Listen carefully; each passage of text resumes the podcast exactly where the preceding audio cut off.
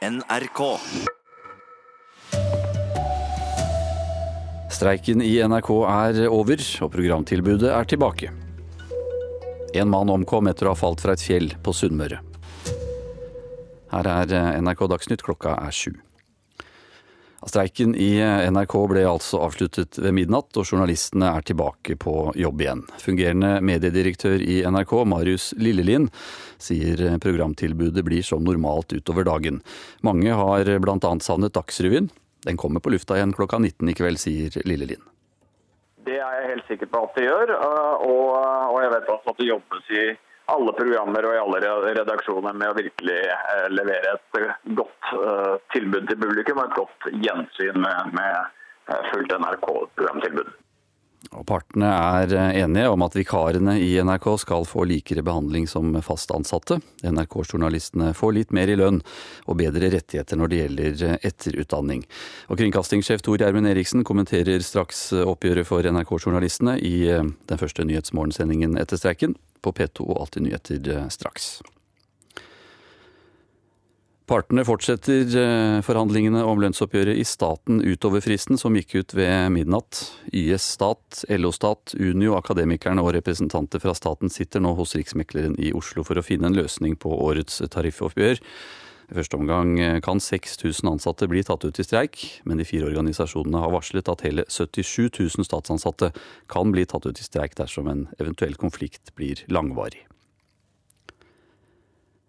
En mann i 40-åra er eh, bekreftet død etter at han falt i fjellet på Rødsethornet i Midsund i Møre og Romsdal i går kveld. Mannen var på tur med familiemedlemmer, sier operasjonsleder Arild Reite i Møre og Romsdal politidistrikt. Da fikk vi melding eh, ca. fem på halv om at en person har falt fra toppen av eh, hornet og utfor. Eh, han var sammen med familiemedlemmer. Litt usikkert hva som har skjedd her, men eh, og hvorfor han har falt. Ambulansehelikopter kom til stedet etter ganske kort tid. De observerte personen nede i fjellsida. Lege på ambulansehelikopteret fløy inntil og ganske nær, og konkluderte vel ganske umiddelbart med at vedkommende var omkommen.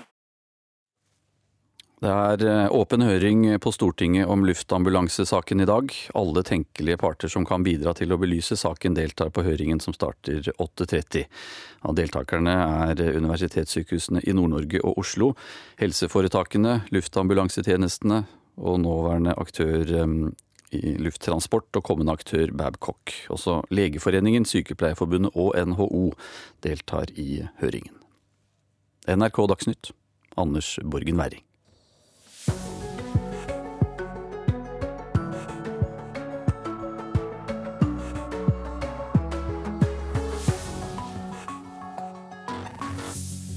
Endelig. Vi må få lov til å si det. Endelig er Nyhetsmorgen tilbake i, i hvert fall nesten normal form etter streiken. Og vi skal selvfølgelig snakke litt om den. Eh, vår egen streik, altså. Eh, er det godt, eh, kringkastingssjef Tor Gjermund Eriksen, å få dine venner journalistene tilbake i hus? Det er det, og velkommen tilbake til publikum. Ja. Vi skal også til Italia for å snakke om eh, landets nye regjering og den nye statsministeren som etter sigende er fullstendig uten politisk erfaring. Og i skrivende stund, det er fortsatt mekling altså i lønnsforhandlingene for de statsansatte. Siste nytt derfra skal du få straks. Dessuten er selvfølgelig Kulturnytt på bena, og litt over åtte tar vi turen til Festspillene i Bergen. Og vi skal snakke om det siste kapitlet i Star Wars-historien, filmen om hvordan Han Solo ble Han Solo. Men først altså, meklingen i staten er nå på overtid. LO Stat, YS, Unio og Akademikerne forhandler med staten som motpart. Fristene for partene til å bli enige var egentlig ved midnatt. Økonomireporter Sindre Herdal, du er nå hos Riksmekleren. Er det noe tegn til løsning der? Det er det ikke, og eh, flere fra delegasjonene har eh, nå toget ut også for å hente seg litt kaffe og forfriskninger på morgenen. Det er jo ofte et tegn på at eh, det trekker ut. Du tar gjerne ikke pause hvis det går mot en avklaring. Så, så dette kan vare lenge. Ja. Hva gjør de statsansatte nå når streikefaren fortsatt er der? De må gå på jobb som vanlig. Oi sann. Der, Der var det åpenbart en uh, ledning som røyk. Uh, vi vet ikke helt. Vi, uh, vi tar oss den friheten å, å gi slipp på, på Sindre Herdal lite grann, og så prøver vi å få ham inn igjen. Og så snakker vi litt om vår egen streik i mellomtiden. For Tor Gjermund Eriksen, du sitter jo her fremdeles. Um, er det du, du, du, fikk jo et kort spørsmål i stad. Um, vil du utdype litt uh, det å få uh, NRK opp i normalt gjenge igjen? Ja, så Streik er en veldig alvorlig situasjon. Veldig kjedelig, for vi skuffer publikum. Jeg er helt sikker på at mange er glad i dag, for det er en del av ritualet. Det å holde seg orientert om hva som skjer i Norge og i verden om morgenen. Og når vi ikke kan levere i vanlig NRK-kvalitet, gode sendinger, Nyhetsmorgen bl.a., så gjør vi ikke den jobben som publikum kan forvente av oss. Og Derfor er jeg jo utrolig glad for å være tilbake uh, i dag.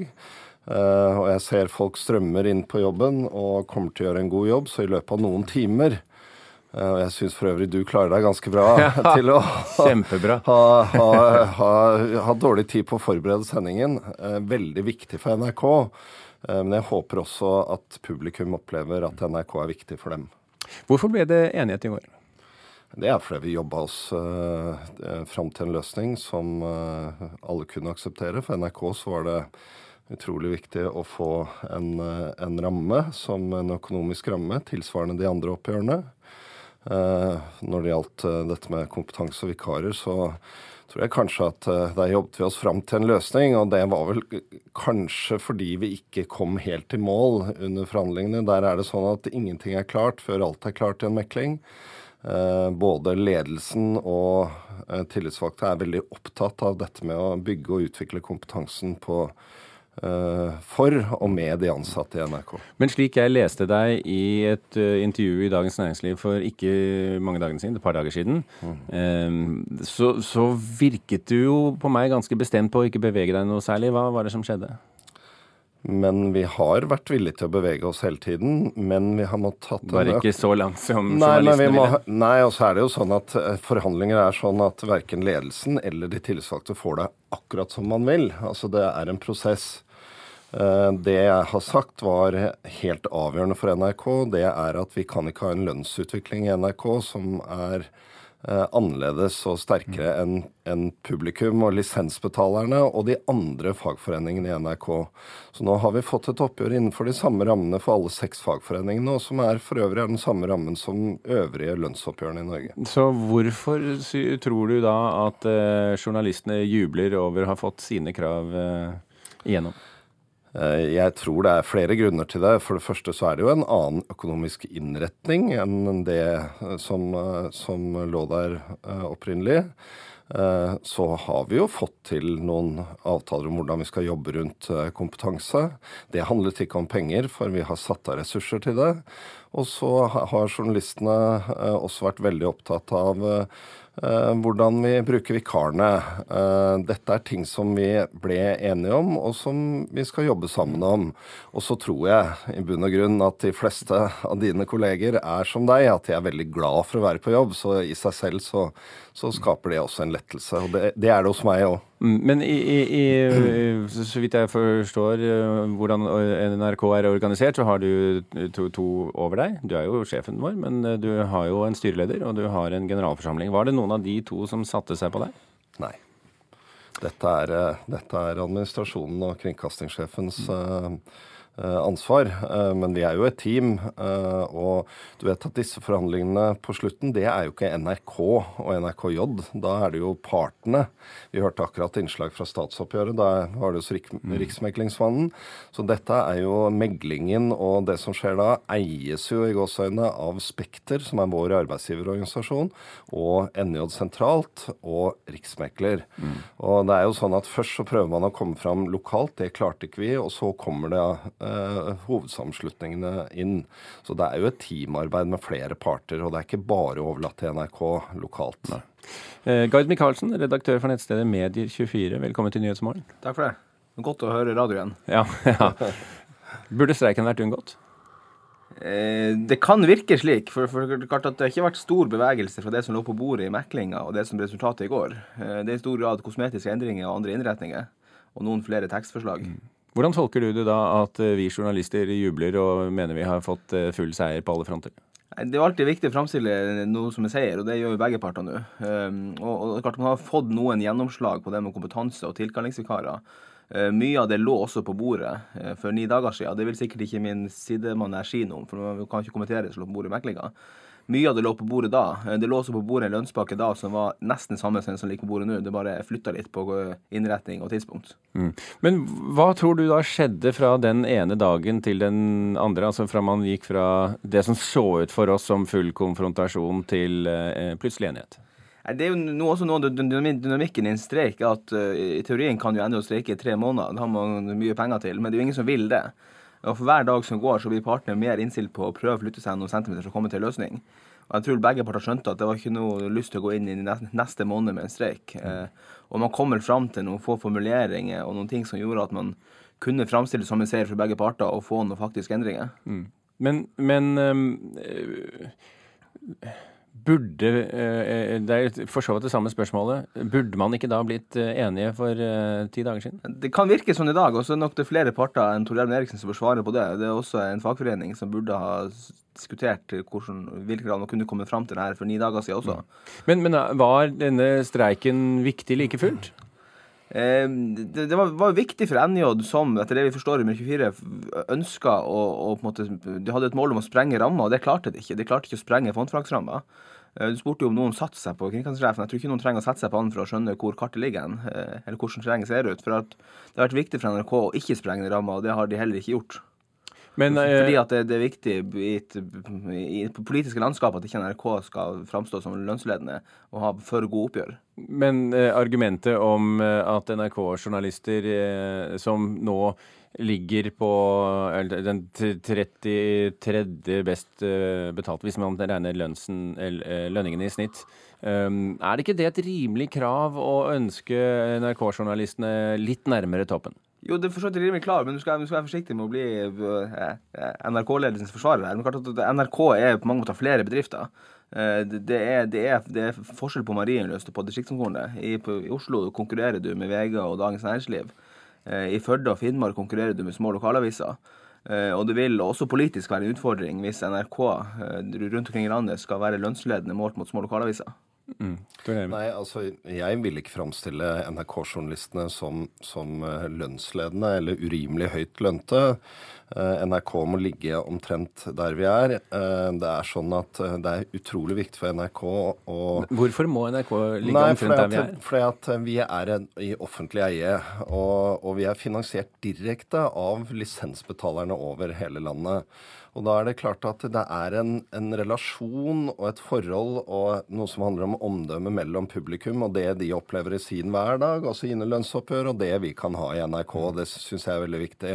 Og så er det sånn at i NRK så er jeg veldig opptatt av at vi har flinke folk. Jeg har savna dere. dere er, det er 1700 NJ-medlemmer som er veldig flinke i NRK. Og jeg ser at, at folk liker å jobbe i NRK.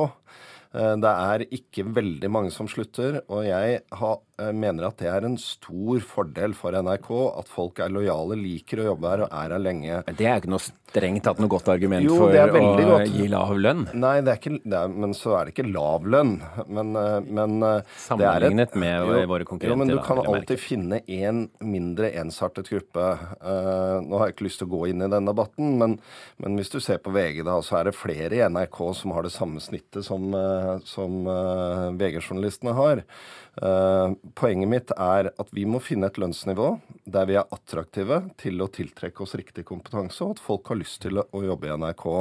Og det handler ikke bare om lønn. Det handler bl.a. om at vi sitter her på Nyhetsmorgen og er ritualer til en stor del av det norske folk. At vi vet at vi har en posisjon. At vi vet at vi leverer et viktig produkt som er relevant og, og sentralt i folks liv. Tror du Gard Michaelsen, at uh, kampen mellom journalistenes krav og ledelsen i NRK er over med dette i, i, stor grad? Det tror jeg det aldri kommer til å bli, men jeg tror ikke det kommer til å bli en streik på det samme punktet neste år. Nei. Ok, Gard Michaelsen og, og Tor Gjermund Eriksen, takk for at dere var med oss her i Nyhetsmorgen.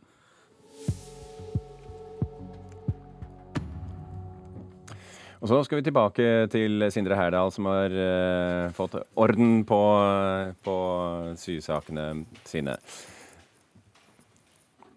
Uh, tror jeg ledningen er i orden nå, Sindre. ikke sant? Vi stilte spørsmålet uh, om streikefaren fortsatt er der. Ja, og det er den jo, så lenge de ennå ikke har kommet med en avklaring her. Det er mange av delegasjonsmedlemmene har gått ut og funnet seg litt kaffe og forfriskninger, så, så ingenting er over. Og vi kan vente at det tar en god stund. De går ikke ut og tar en pause hvis de ser avklaringen rett rundt hjørnet. Eh, denne streiken, hva står den egentlig om? Den står om eh, bl.a. lønnssystemet i staten. Og for, for, tre av fire av disse forbundene så er det viktig også at eh, mye av lønnstillegget i år gis sentralt og ikke lokalt. Eh, det er bare akademikerne som, som er tilhengere av det. Og disse andre partene, LO Stat og Unio og YS, de ønsker at mye avgjøres sentralt i her og nå hos Riksmegleren. Mm. Hvis de ikke kommer til enighet, eh, Sindre, hvor, hvor, stor kan denne streiken og hvor mange kan det gjelde eventuelt når, hvis den blomstrer fullt ut? Og Hvis den blomstrer fullt ut, da er det, da er det ordentlig. Da, da, er det 77 000 statsansatte som kan gå ut i streik. Men første streikeuttak, som vil gjelde umiddelbart, det er på rett over 6000. Og det vil eh, ramme ganske bredt, og bl.a. universitet- og høyskoleansatte, Nav-ansatte, folk i politiet, på, i skatteetaten. Eh, og det kan f.eks. da få som følge at en god del studenter ikke får avlagt eksamen nå i vår. Ok, Vi får følge med utover dagen. Eh, Sindre Herdal, takk for at du var med oss her i Nyhetsmorgen.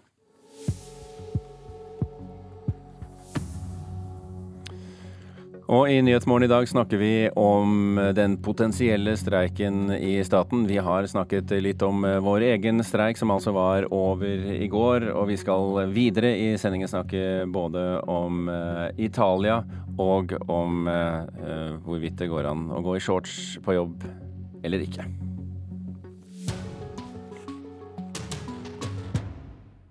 Shorts-spørsmålet kommer vi tilbake til litt eh, senere i eh, sendingen.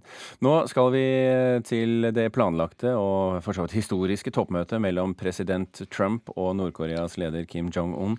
Det ser nemlig ut til å henge en tynn tråd. En av Kim Jong-uns nærmeste rådgivere sier i dag at eh, det er opp til USA å bestemme om man ønsker å møtes i et sitat, møterom eller i en kamp mellom to atommakter.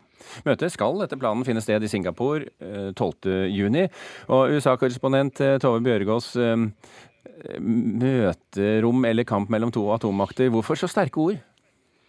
Ja, det er jo litt tilbake til den typen retorikk som ble brukt eh, for flere måneder siden, før dette møtet kom på dagsorden.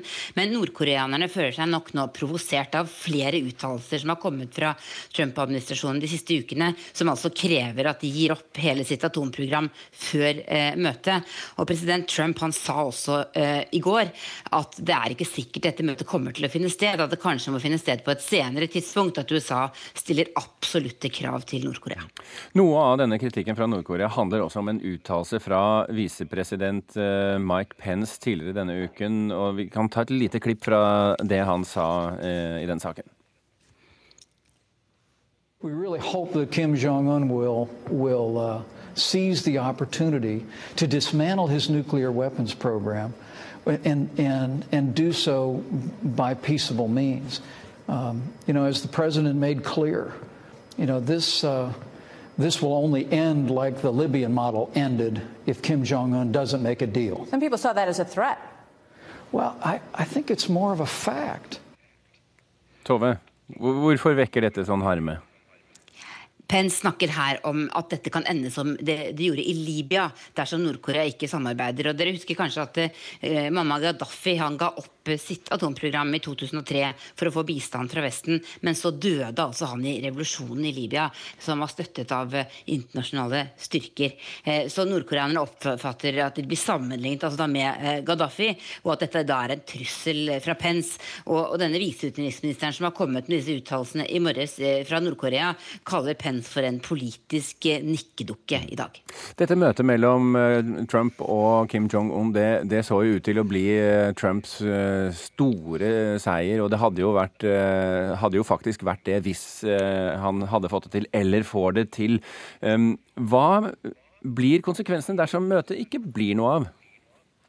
Vi hørte jo eh, innledningsvis altså, hvilke ord som ble brukt nå. og Vi husker jo eh, hvor eh, skremmende retorikken var før møtet kom på dagsorden. Hvordan mange snakket om at konflikten i Nord-Korea er den aller heteste i verden akkurat nå.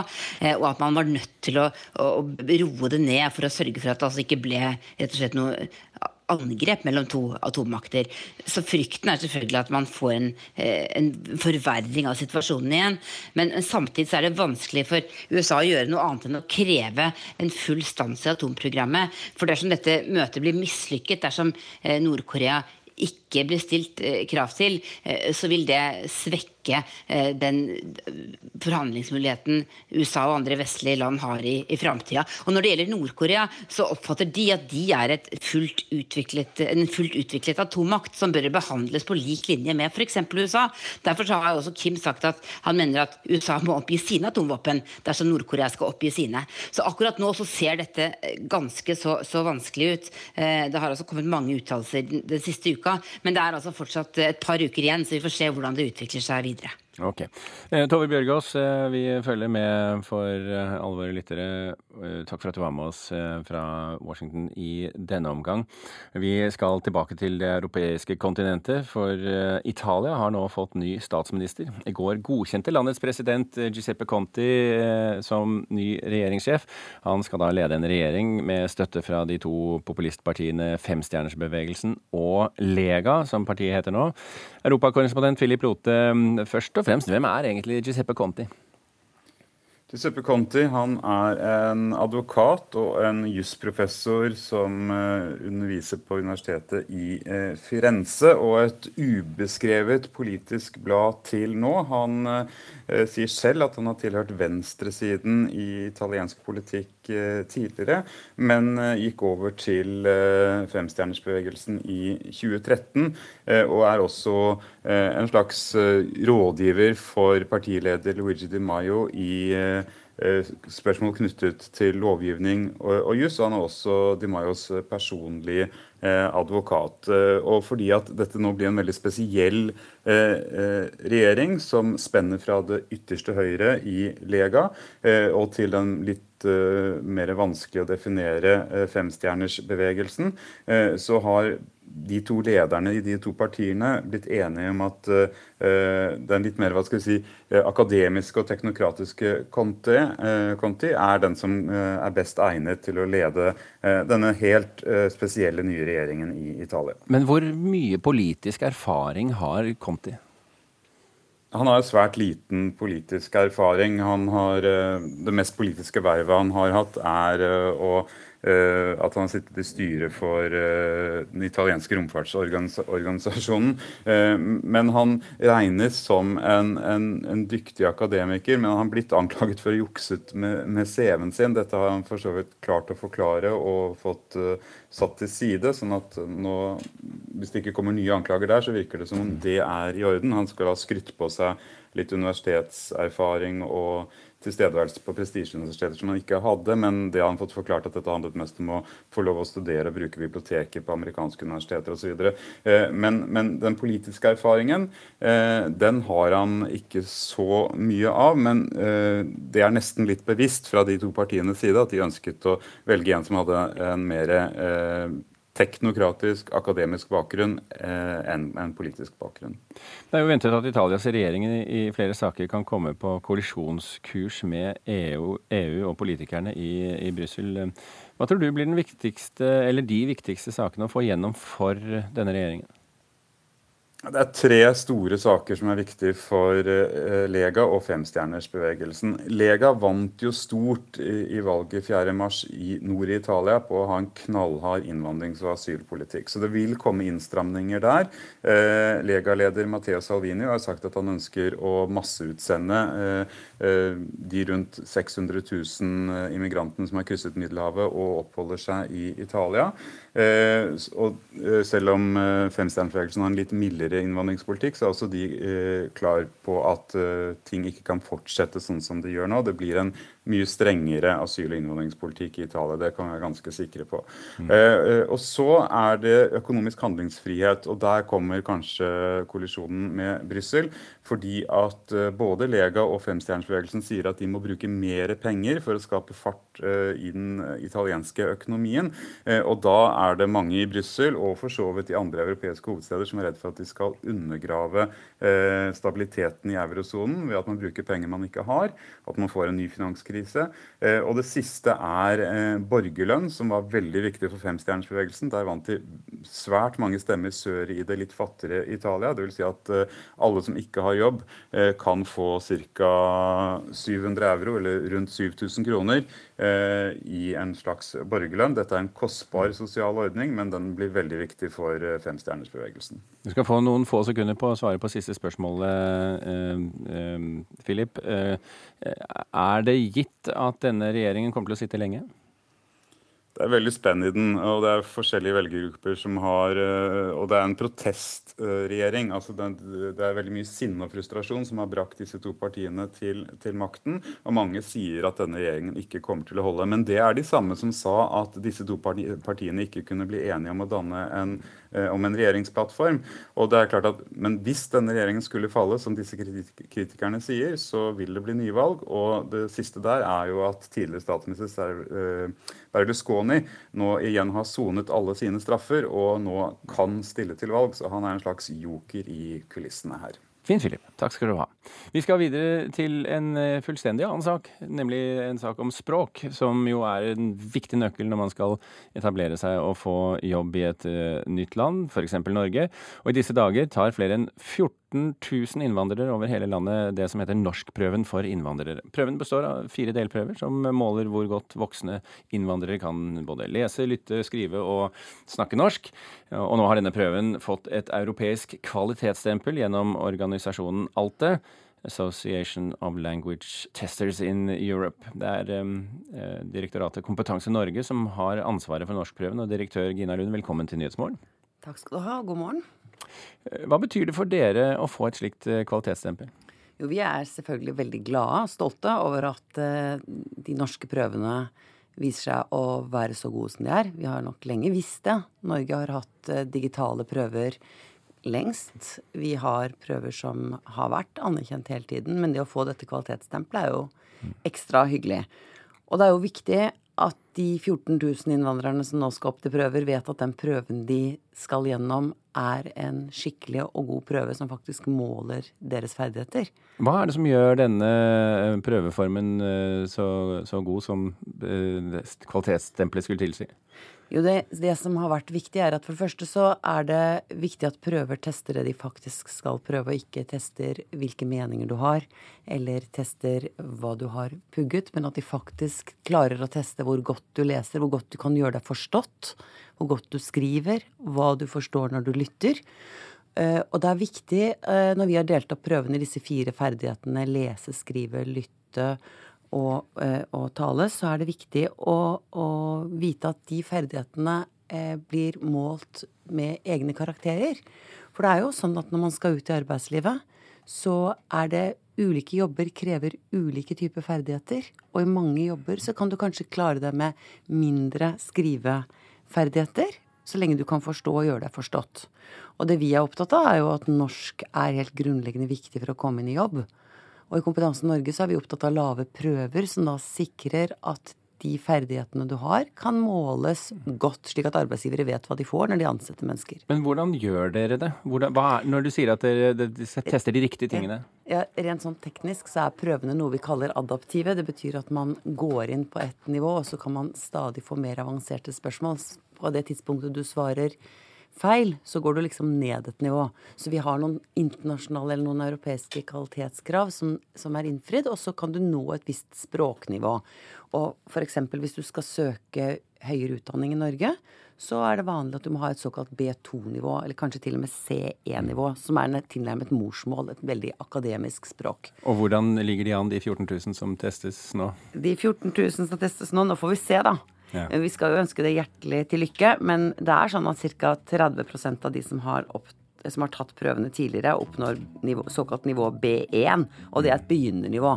Okay. Og det vi jobber med nå, det er å få flere innvandrere til å kunne lære mer norsk, for det er helt avgjørende for å komme i jobb. Takk skal du eh, ha, Gina Lund fra Kompetanse Norge. Du hører på Nyhetsmorgen, og nå er uh, Anders Borgen Werring klar med nyhetene.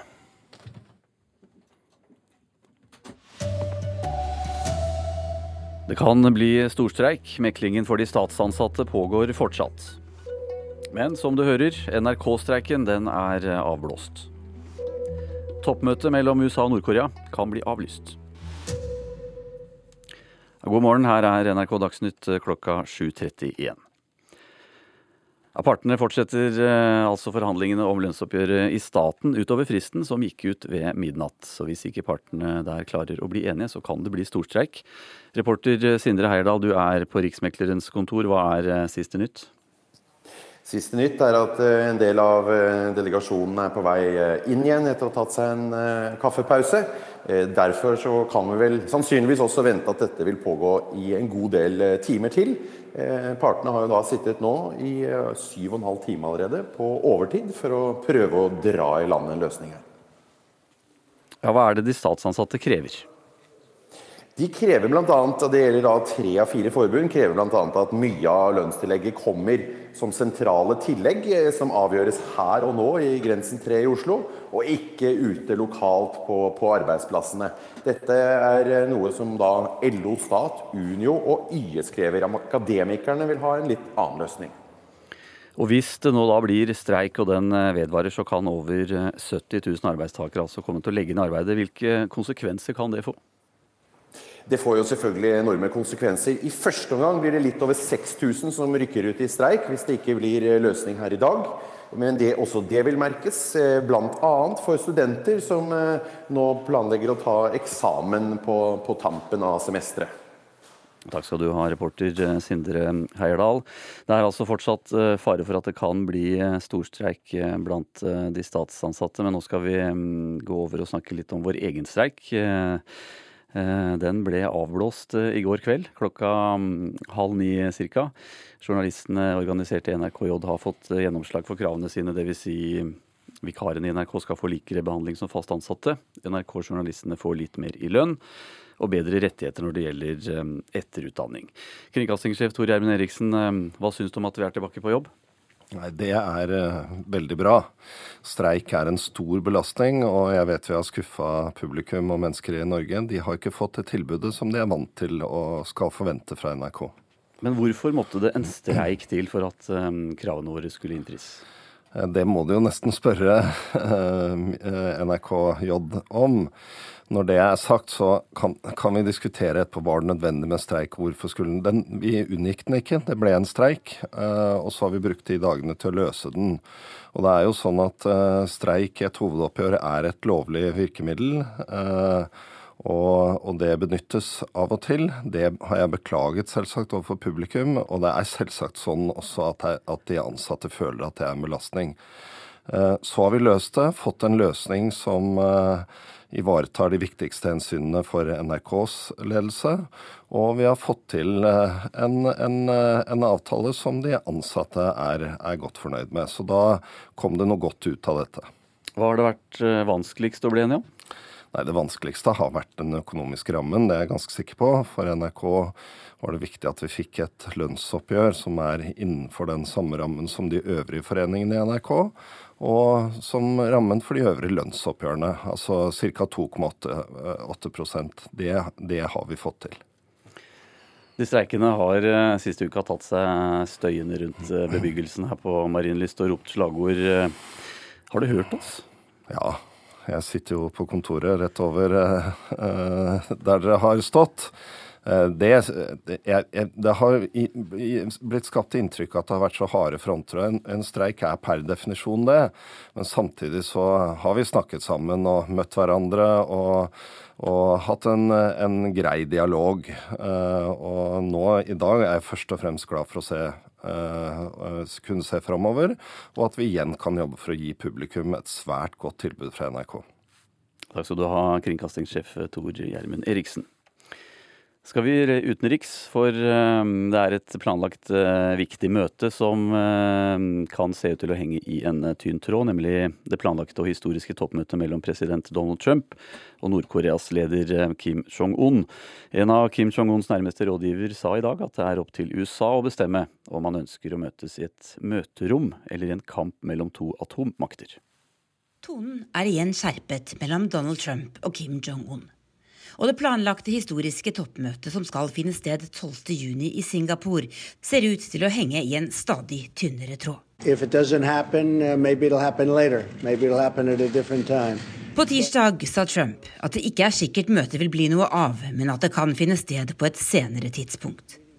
Og i dag truer altså Nord-Koreas viseutenriksminister USA med å møtes i en kamp med atomvåpen dersom Trump og Kim ikke møtes i et møterom. Trump-administrasjonen har de siste to ukene vært tydelige i kravet om at Nord-Korea må oppgi hele sitt atomprogram dersom møtet skal finne sted. Spesielt provoserende for regimet i Pyongyang har tydeligvis kommentaren til visepresident Mike Pence på mandag vært. We really hope Kim Jong-un will uh, seize the opportunity to dismantle his nuclear weapons program This will only end like the Libyan model ended if Kim Jong-un doesn't make a deal. Pence foreslo i et intervju med Fox News at Nord-Korea kan avvæpnes på samme måte som Libya ble i 2003, da Gaddafi ga opp sitt atomprogram, som hadde kommet langt kortere, for å få økonomisk bistand. Gaddafi ble senere drept i revolusjonen i Libya, som var støttet av Nato-styrker. Nord-Koreas atomprogram har kommet lenger. Landet har utviklet atomvåpen og mener USA må behandle dem som de behandler andre utviklede atommakter. Tove Bjørgaas, Washington. Et norsk-belgisk team skal eh, utforme minnestedet ved Utøyakaia i Hole kommune, ifølge Statsbygd. Statsbygg. Teamet består av både arkitekter, landskapsarkitekter og en eh, minnestedsforsker. De har ikke vunnet eh, med et ferdig forslag. Utformingen starter nå og berørte parter som naboer, overlevende og pårørende skal få være med i prosessen. I dag er det åpen høring på Stortinget om luftambulansesaken. Alle tenkelige parter som kan bidra til å belyse saken, deltar på høringen som starter klokka 8.30. Av deltakerne er universitetssykehusene i Nord-Norge og Oslo, helseforetakene, luftambulansetjenesten og nåværende aktør Lufttransport, og kommende aktør Babcock. Også Legeforeningen, Sykepleierforbundet og NHO deltar på høringen. To personer eh, døde og minst 18 ble skadd etter at et tog traff en lastebil som hadde stanset på sporet i byen Torino nord i Italia i går kveld. Hendelsen eh, skjedde rett før midnatt, ifølge Sky News, og toget var på vei til Ivrea. Er du eh, en av dem som nettopp tok mobiltelefonen ut av laderen da du sto opp? For selv om vi har hørt det før, så går det tydeligvis inn det ene øret og ut det andre. Mobiltelefoner og nettbrett skal ikke lades om natta, og i alle fall ikke på soverommet. Likevel så gjør det store flertallet av oss nettopp det. Trykker den inn nå, så spretter den ned sånn. Elsikkerhetsingeniør Kåre Stabu starter alltid kontrollene sine med sikringsskapet før han beveger seg gjennom hele boligen og sjekker alt av elektriske anlegg. Skal vi se. I dag er han hos Ida Hope i Hønefoss. Og så er dette her med brannsikkerhet og det, de tingene, småtinga som vi kan gjøre da, for å forebygge litt sjøl òg. På soverommet finner han ofte det han misliker mest, nemlig mobilladere. Dette her det er skummelt, for her, her, kan det ta fyr. Mm. Og det er gasser, giftige gasser som du puster inn når du sovner. Så det er risikosport så det holder. Mm.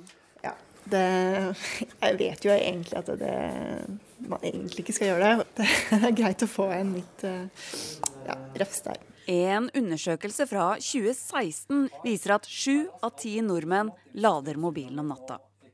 Lite tilsier at det har blitt noe bedre de siste årene, mener Stabu, som får støtte av Vebjørn Sortebekk, fagansvarlig for det lokale eltilsynet ved Ringerikskraft Nett. Jeg tror det er flere som lader enn sju av ti.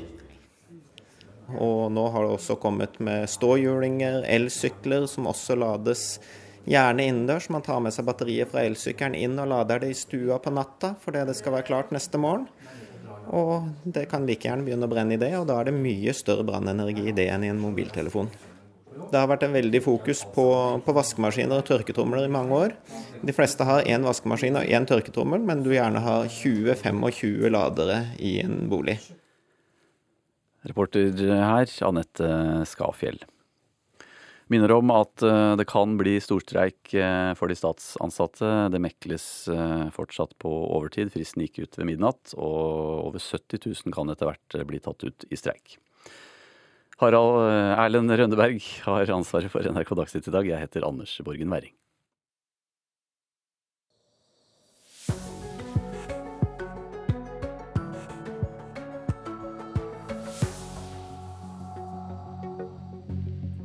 Og Nyhetsmorgen vi fortsetter i ufortrønden trav videre mot klokka ni uh, her i både P2 og Alltid nyheter. Og Det vi skal snakke om den nærmeste tiden, det er at EU-land nå reagerer sterkt på at USA vil innføre historiens strengeste sanksjoner mot Iran. Streiken er jo da altså over, som du hører, men hvordan så egentlig denne streiken ut utenifra? Vi snakker straks med en representant fra akademia. Og en bedrift i Grimstad er i full gang med å gi brukte elbilbatterier et liv etter døden. Ja, Vi skal altså til eh, USAs eh, sanksjoner mot Iran. Eh, USAs nye utenriksminister Mike Pompeo truet eh, med historiens strengeste sanksjoner mot landet. Slike sanksjoner vil bare virke mot sin hensikt, mener Frankrikes utenriksminister. Hans tyske kollega sier at Europa og USA er langt unna et kompromiss om Iran-avtalen. Ich glaube, dass wir von einem Kompromiss noch weit entfernt sind. Ähm, wir schlagen zwei völlig unterschiedliche Wege ein. Vi er fremdeles langt unna et kompromiss, tror Tysklands utenriksminister Heiko Maas. Europa og USA har valgt to helt forskjellige retninger når det gjelder Iran-avtalen, sier han. Tyskland, Storbritannia og Frankrike vil opprettholde den historiske avtalen med Iran, som EU, de faste medlemmene av FNs sikkerhetsråd og Iran inngikk i 2015. Mot at internasjonale inspektører får innsyn i Irans atomprogram, skal de økonomiske sanksjonene mot landet heves. Da avtalen trådte i kraft i 2016, begynte en rekke store europeiske selskaper å investere og samarbeide med iranerne. Men 8. mai trakk president Donald Trump USA ut fra den avtalen landet har forpliktet seg til. Og denne uken la utenriksminister Mike Pompeo frem tolv strenge krav som iranerne må innfri om de vil unngå massivt økonomisk press fra USA om Iran ikke kommer USA i møte i løpet av det neste halvåret, slik at avtalen endres slik USA vil ha den, gjeninnfører USA sine harde sanksjoner mot Den islamske republikken. USAs utenriksminister Pompeo advarte også europeiske selskaper som samarbeider med Iran, om at de vil bli stilt til ansvar. Og nettopp dette er et vanskelig punkt. For skal ikke franske og tyske firmaer få fortsette å handle med Iran på lovlig vis fordi Trump-administrasjonen ikke liker det? Russland, Kina og Europa ønsker sterkt å beholde Iran-avtalen fordi de mener den hindrer Iran i å utvikle atomvåpen. Trump-administrasjonen, som mener at avtalen er elendig, har ingen plan B. Herr Pompeos tale mangler logikk, og USAs utenrikspolitikk er blitt korrumpert siden pressgrupper er i stand til å påvirke utenrikspolitikken, mener Irans utenriksminister Javad Zarif. Han omtaler USAs diplomati som en farse som er fanget av vrangforestillinger og mislykkede politiske beslutninger. Verden i dag godtar ikke at USA bestemmer på vegne av verden, for landene har sin uavhengighet, var Irans president Hassan Rouhanis kommentar. Men også regjeringene fra de største EU-landene er opprørt over USAs ønske om å diktere resten av verdens forhold til Iran. USAs sanksjoner vil bare virke mot sin hensikt, fordi dette vil føre til at de konservative kreftene i Iran styrkes, og den moderate president Hassan Rouhani svekkes, mener Frankrikes utenriksminister. Å skrote avtalen kan gjøre regionen enda farligere enn den er i dag, mener han. USA er på kollisjonskurs med sine Nato-allierte i Europa i denne saken. Um, jeg ich glaube, äh, dass man im Moment auch nicht davon sprechen kann, dass äh, ein Kompromiss Det er ingenting som tyder på at vi er i nærheten av et kompromiss mellom USA og Europa, sier den tyske utenriksministeren. Men vi må fortsette å være i dialog om saken, mener Heiko Maas. Og det var det vår korrespondent Sissel Wold som eh, fortalte.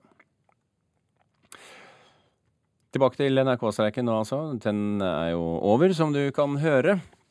Vi som var midt inni den, eh, hadde jo selvfølgelig et ganske nærsynt perspektiv på den, det må innrømmes. Eh, Så jeg har invitert medieviter Jens Barland ved NTNU for å kaste et eh, noe mer akademisk blikk på den. Velkommen til Nyhetsmorgen, Barland. Takk skal du ha. Hvordan er det å ha NRK tilbake i normalt gjeng igjen for deg? Ja, velkommen tilbake. Oi, endelig har jeg en eh, vanlig og ordentlig morgen igjen, hvor jeg får ordentlige nyheter, får vite at verden består, hva som skjer der ute. Kan oppdatere litt lokale trafikkmeldinger og sånn, som veit åssen det er å farte litt rundt. Så nei, jeg er veldig glad for NRK tilbake igjen. Når det er sagt, så har vel også denne streiken vist at eh, det norske folk klarer seg relativt fint eh, uten NRK hvis de må? Jo, men jeg har klart seg uten. Det handler om litt forskjellig. Selvfølgelig, vi lever, vi har det bra. Det går veldig bra. Vi feirer både 17. mai og pinse og kommer gjennom dagene uten NRK. Det er ikke noe tvil om. Men vi merker også fraværet av den type innhold NRK har som andre ikke har. Og da, da, For mitt vedkommende, vi har litt forskjellige typer med, for mitt vedkommende som da er sånn storforbruker av Nyhetsmorgen og Dagsnytt 18 og Politisk kvarter og den type nyheter, vi har ikke hatt så mye alternativer når det gjelder lyd. Vi kan jo også lese seg på nett og sånne ting, men eh, radiolyden, der er dere litt alene på det, og det har vært et stort savn. Men, men det kommer jo selvfølgelig litt an på hvem du spør også, Barland. For det er vel ikke så mange under 40 som gråt seg i søvn hver kveld under streiken? Nei, absolutt ikke. Det har du rett i. Jeg, jeg tror du, du La oss si vi tar også deler eh, NRK-innholdet inn i to områder. Det er det stoffet hvor NRK er helt unike og har alt innhold som du ikke finner noen andre steder. Og så gradvis over til sånn type innhold hvor NRK ikke er unike, hvor du har litt generisk innhold, hvor du har det som du finner overalt alle andre steder. Og, og det er klart at Hvis du går i siste gruppa der, der er NRK veldig sårbare for konkurranse i forbindelse med sånn streik. Fordi de som har hengt på NRK-kanaler, kan like gjerne finne den musikken andre steder. De har kanskje knagga seg på disse andre alternative stedene nå, og, og kanskje ikke så lett kommer tilbake. Men hva har tatt mest skade under streiken, tror du? Er det, er det NRKs omdømme? Det tror jeg ikke. Det ser man tidligere, både når det er store katastrofer, uhellshendelser og sånn, som rammer la oss si, merkevarer. Det viser seg at sånne merkevarer, som da NRK er i denne sammenheng, de viser seg å være veldig slitesterke på det som egentlig er de mer grunnleggende verdiene bak det. til for selv om det skjer en ulykke, i dette tilfellet en streik som gjør at man er av eteren i åtte dager. Så det tror jeg egentlig går ganske raskt over. Ok. Jens Barland ved NTNU, vi gleder oss til å se, eller gruer oss kanskje, til å se hva forskerne kommer frem til etter hvert som man får se de litt lengre konsekvensene av streiken. Uansett, takk for at du var med oss nå i Nyhetsmorgen.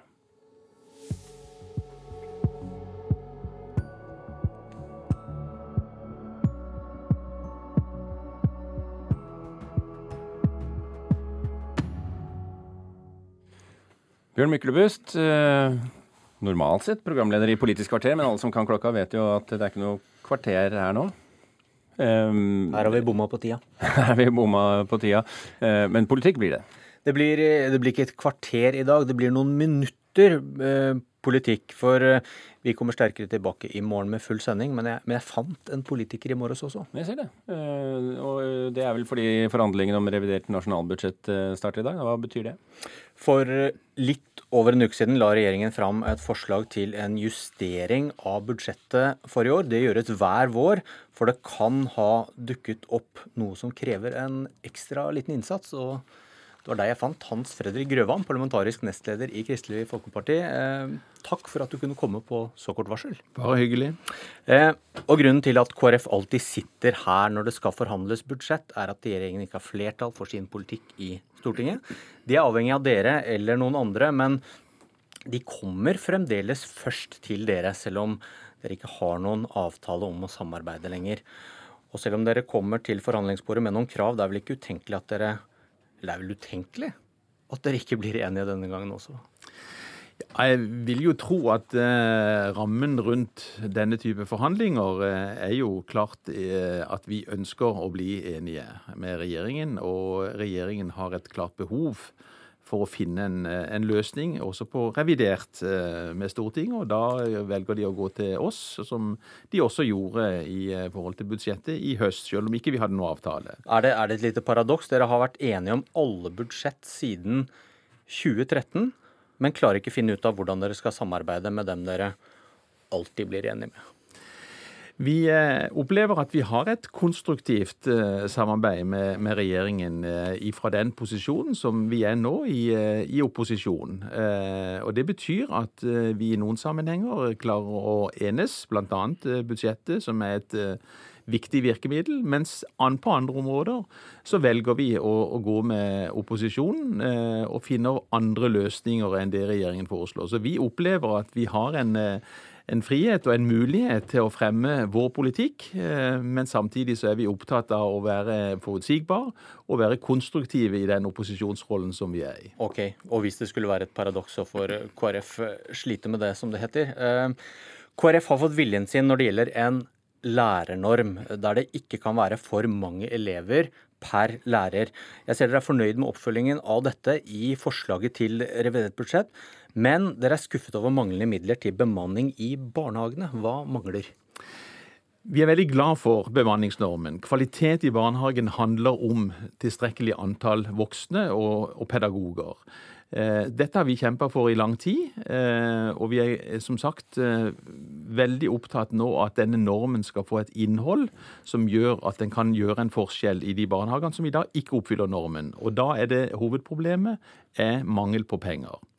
Vi opplever i dag at Eh, I en del kommuner hvor normen ikke er oppfylt, eh, så vil en norm bety at det vil gå utover andre velferdstjenester hvis vi skal hente penger fra andre områder. For noen private barnehager så betyr det rett og slett kroken på døra hvis ikke det legges penger på bordet. Eh, så Derfor er normen helt avhengig av at en finner friske midler som kan gjøre at dette virkelig blir det redskapet for å kunne gi barna en trygg og god oppvekst som vi ønsker at dette skal bli. Hvor vil KrF kutte 100 millioner kroner for å få råd til dette? Dette er jo en del av en helhetlig eh, forhandling omkring flere poster. Så, så dette er én post, det er en stor post og en viktig post for oss. Eh, vi kommer til å legge fram et forslag når vi skal sette oss til forhandlingsbordet senere i dag, hvor vi også har god inndekning på disse kostnadene. Det må vi komme tilbake igjen til i, i forhandlingene, så det er ikke naturlig for meg å ta dette opp her. Men, det, Men dere, har, dere, har, da sant, det, dette forslaget, dere har flere andre forslag som vi får litt tid til å snakke om i dag. Men hvilke forslag har dere til kutt?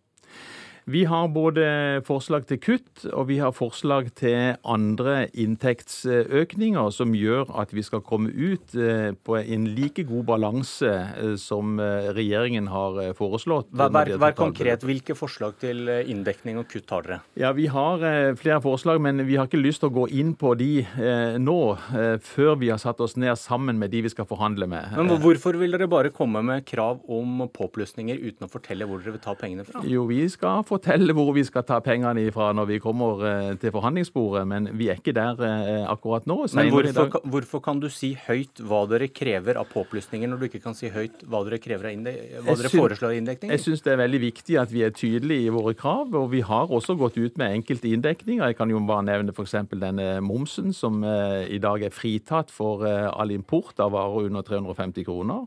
Det er et område som kan gi betydelige inntekter i mange hundre millioner kroner-klassen.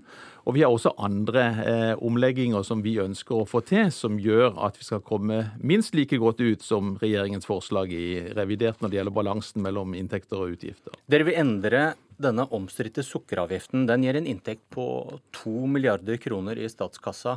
Hva vil KrFs forslag innebære av endring av inntekter og utgifter? Vi har sett, eh, Når det gjelder endring av inntekter og utgifter, så vil ikke vårt forslag innebære noe endring på det, men vi vil ha en annen innretning. Vi ser at vi har fått en del kritikk eh, på den innretningen som i dag er, bl.a. at eh, drikkeprodukter som ikke har noe særlig sukkerinnhold, er blitt veldig mye dyrere. Vi ønsker en differensiering, sånn at de sukkerholdige produktene de skal en betale mest for, sånn som en har en modell fra Finland, England, Irland. Vi tror en annen differensiering vil gi et annet resultat, og da vil ikke en, dette bety en endring når det gjelder inntektsnivået til staten, men bare en differensiering på en annen måte enn i dag. Og jeg kommer på mange oppfølgingsspørsmål jeg gjerne skulle stilt der. Hans Fredrik Grøvan, når må dere være klare med, med, et eh, revidert budsjett? Vi skal være ferdig i, eh, i løpet av neste uke etter planen. Mm. Og da spiste tiden oss, eh, Birgit Kolstad Jonsson, men i morgen får vi kanskje et kvarter? I morgen får dere garantert et kvarter. Ja. Det er jo helt full normal arbeidsdag nå, så nå, det, det, rekker dere, tenker jeg. Takk for å være på besøk i studio ditt. ja, bare hyggelig. Politisk kvarter er tilbake for full maskin, altså kvart på åtte i morgen. Vi i mellomtiden i Nyhetsmorgen vi skal til hytta til Øyvind Lunde i Nittedal i Akershus. Der er det ikke innlagt strøm. Likevel kan han både steke vafler og lade elbilen sin der, takket være gamle elbilbatterier. Det første som skjedde da NRK ankom hytta til Øyvind Lunde, var at han satte reportasjebilen vår til lading. Får vi se da om han ikke kan ta til seg litt strøm her. Ja, Har jeg fullt batteri når jeg Ja, det kommer litt an på, men det er ikke usannsynlig. Hytta ligger på Holterkollen i Nittedal, rett utafor Oslo. Det er én kilometer til nærmeste strømmast. Likevel går alt elektrisk utstyr her på 220 volt. Da er vel vaffelen klar, tenker jeg hvert øyeblikk. Vaffeljern, komfyr, kjøleskap og, som du hører, støvsuger. Fra solceller på uteskjulet, eller energibua som vi kaller det. På solcellepanel? Ja. Det er ikke hele sannheten? Nei, altså problemet med sola er jo at den byr på seg sjøl av og til. Ikke nødvendigvis når du trenger strømmen, så vi er jo nødt til å lagre den også for å ha til en dag hvor det ikke sola skinner. Og når sola har gått ned. Og da har jeg brukt eh, gamle elbilbatterier, faktisk. Det idylliske hyttetunet er omkranset av skog på alle kanter. Ei rød lita bu noen meter opp i terrenget skiller seg ikke ut. Hadde det ikke vært for tre digre solcellepanel på til sammen 18 kvadratmeter. På innsiden står 48 elbilbatterier koblet sammen med avansert elektronikk. Her har vi 18 eh, år gamle elbilbatterier, faktisk. Bilene er for lengst gått heden. Og de batteriene som var brukbare, de er testa og sjekka ut og montert i en 24 volts pakkeløsning her. Øyvind Lunde kan mye om elektronikk og elbilbatterier, og hadde derfor ikke noe problem med å bygge anlegget selv. Men det finnes bedrifter som leverer komplette anlegg. Alternativ Energi i Grimstad har levert 40 slike. Tilbakemeldingene er gode, forteller Svein Teistedal. Nei, Det er bare positivt. Det er jo, eh, Hvorfor har vi ikke gjort dette før? Det, liksom, eh, det fungerer jo veldig mye bedre enn blybaserte batterier. Anleggene fra Alternativ Energi inneholder brukte elbilbatterier. Restkapasiteten er mer enn god nok. Det er gjerne en god del igjen. Og i hvert fall til bruk i hytter, så kan de vare i mange, mange år etterpå. Andelen elbiler stiger kraftig i Norge. I 2018 er hver fjerde nye bil en elbil, noe som igjen betyr at det vil bli mange brukte elbilbatterier på markedet om noen år. Gjenbruk vil derfor bli enda viktigere sett fra et miljøperspektiv. Så det er en formidabel eh, miljøgevinst i forhold til det. For 50 000 kroner får du et komplett anlegg med solcellepanel, et brannsikkert skap med batterier og all nødvendig elektronikk. Gjennomsnittsskapet er det litt store skapet som er på rundt 8 kWt. Og det kan brukes til alt av elektriske ting i en hytte bortsett fra oppvarming. Øyvind Lunde i Nittedal fyrer fremdeles med ved på vinterstid. Men nå skal han i gang med et nytt spennende prosjekt, nemlig sitt eget bolighus. Der er arkitekten eh, praktisk talt ferdig. Rammeavtalen er, eller rammegodkjenninga er klar. Så i løpet av året så blir det påbygging der. Da blir det total rehab og ny, eh, ny runde med solceller der, ja.